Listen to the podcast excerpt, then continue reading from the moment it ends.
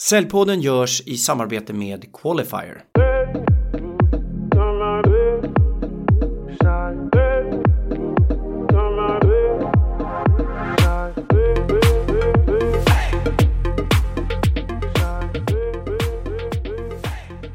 Hej och välkommen till Säljpodden, en podd för oss som gör affärer syns ut i samarbete med Säljarnas Riksförbund. Idag har jag förmånen att sitta mittemot Mattias Härenstam. En person som har jobbat väldigt många år inom säljutveckling på ett ledarskapsföretag som heter Dale Carnegie, men också massa år i ledande befattningar inom rekryteringsbranschen. Välkommen Mattias! Tack så mycket Ken! Hur mår du idag? Jag mår bra. Jag kom precis från ett, ett eh, bodypump-pass och jag har värmt upp med att skrika väldigt mycket så det känns eh, härligt att få fortsätta använda eh, rösten som jag känner tog lite stryk. Det är underbart. Du ska få använda rösten i det här kortavsnittet där man ska få mm. lära känna dig och din säljkarriär lite grann. Mm. Är du redo för några ja. frågor om säljminnen?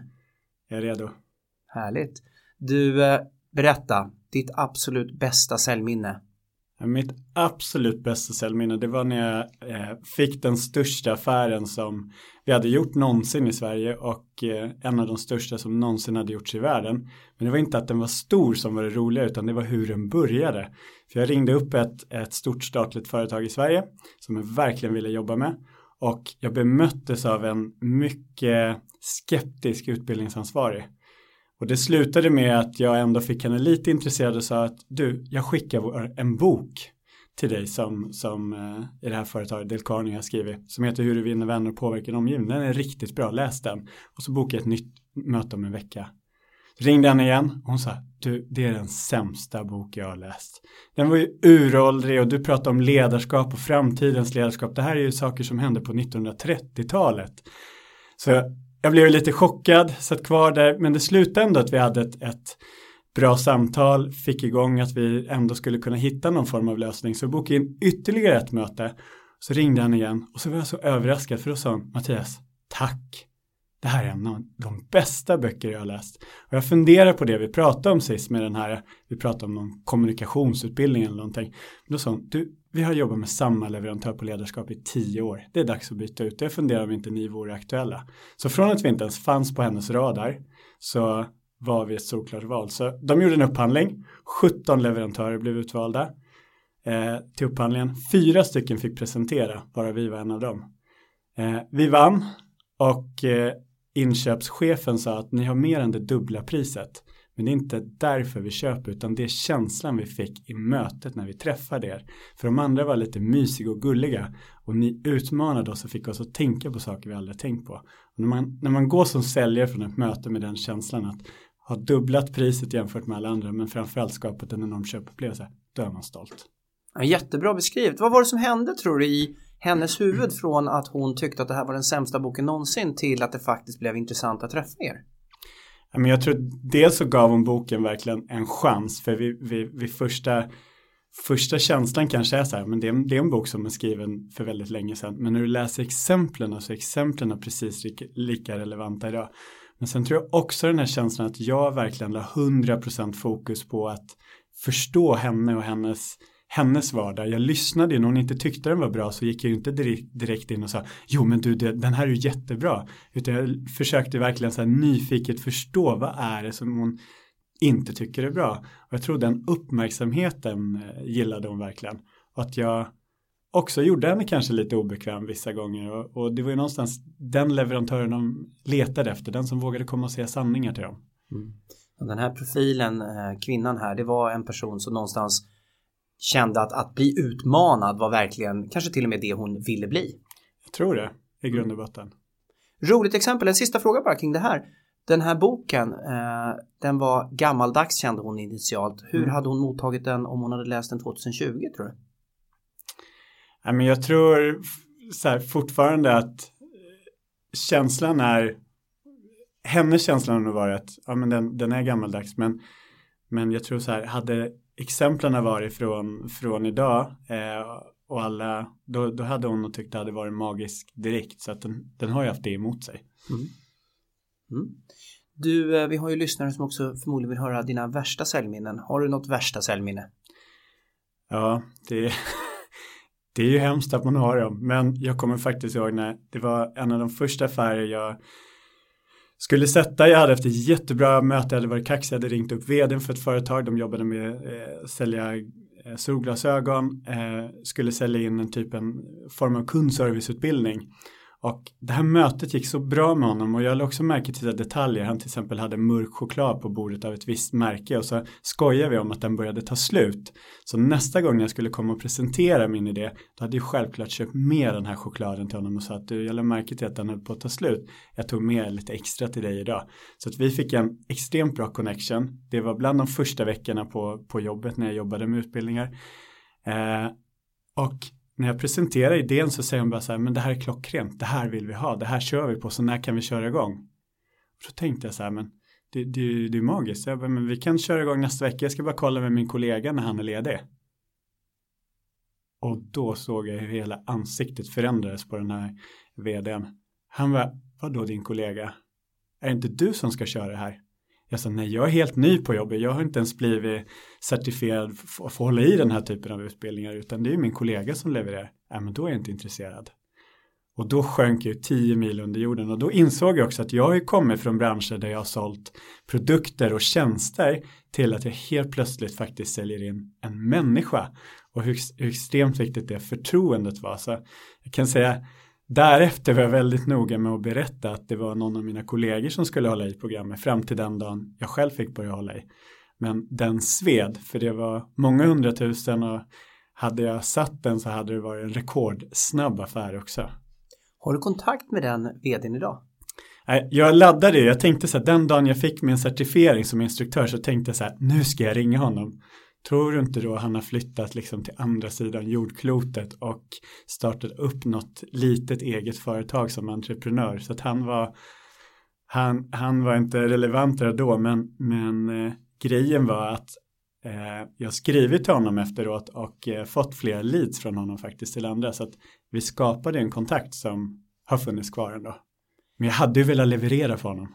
Men det där tycker jag är jättebra att du faktiskt har tagit dig tid att höra av till honom efter för att du skapade ju ett starkt förtroende. Mm. Det var bara att det räckte inte till leverans där och då. Nej. Och då är det ju dumt att slarva bort den relationen om man då upplever att den ömsesidigt är väldigt bra. Mm. Bra tips till många som tappar en affär att relationen kan finnas för framtiden. Mm. Har du något mest överraskande säljminne? Det mest överraskande som har hänt under ett kundbesök eller i ett telefonsamtal kanske med kund? Men det, det mest överraskande är nog, jag hade i, i månader eh, försökt få tag på HR-direktören på ett, ett stort eh, eh, IT-företag som finns över hela världen, ett av de absolut största och eh, du vet jag hade försökt ringa, jag hade mejlat, jag hade adderat henne på LinkedIn och så kände jag så här herregud Mattias, du kan liksom inte ståka henne mer. Du, men, men jag ville så gärna jobba med det här bolaget för grejen var att jag såg att de jobbade med mina kollegor i USA. Tänkte jag så här, men hur svårt ska det vara att starta upp en business i Sverige? Och de var bland de största kunderna i USA. Så funderade jag, finns det någon andra väg? Så jag bara googlade eh, deras företagsnamn och våret och så såg jag ett gammalt, gammalt YouTube-klipp där en COO för deras företag i USA hade uttalat sig och pratat om det företaget jag jobbade på och om att han var så nöjd med det, det hade varit så bra leverans och allt möjligt. Så tänkte jag så här, men jag kontaktar honom. Så jag mejlade, tog reda på CEOns USAs nummer, mejlade honom eh, och sa just det att ni har ju upptäckt att det här är så bra. Kan inte du hjälpa Sverige att upptäcka att det här är bra? Mm. Och eh, han svarade väldigt så här kort formellt. Jag tänkte att det var, det var ingen speciell typ. Thanks, of course I help you.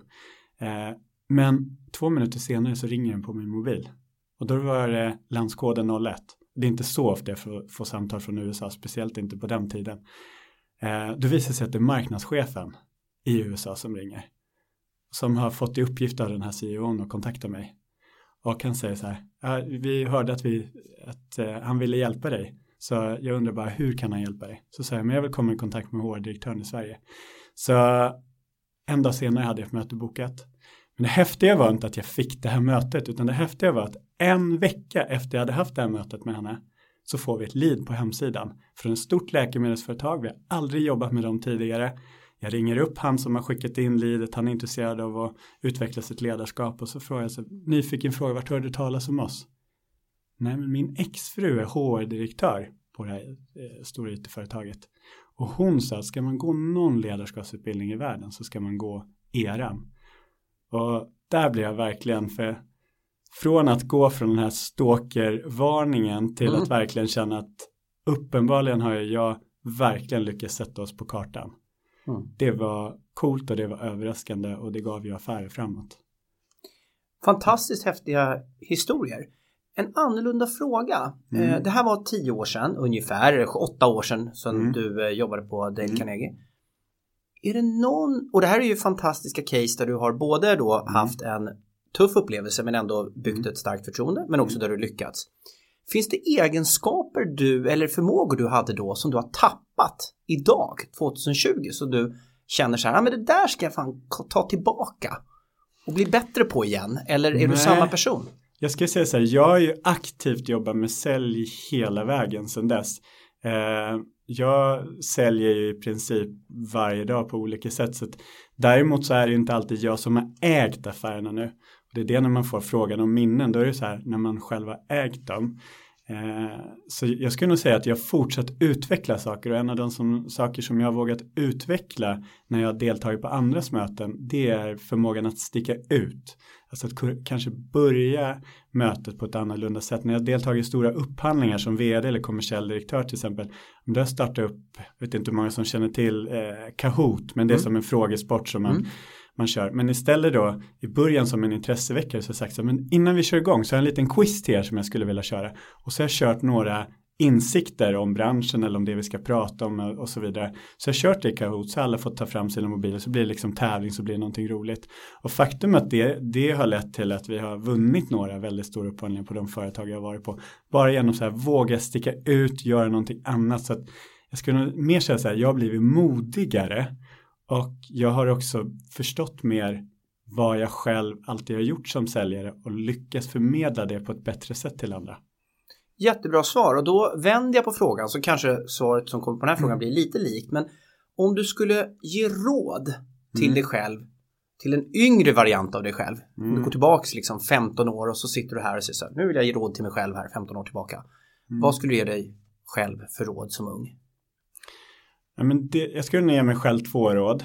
Dels så här, eh, fokusera bara på det du tycker är roligt. Alltså jobba med de kunder som ger dig energi, jobba med de branscher som ger dig energi, jobba med de personer som ger dig energi.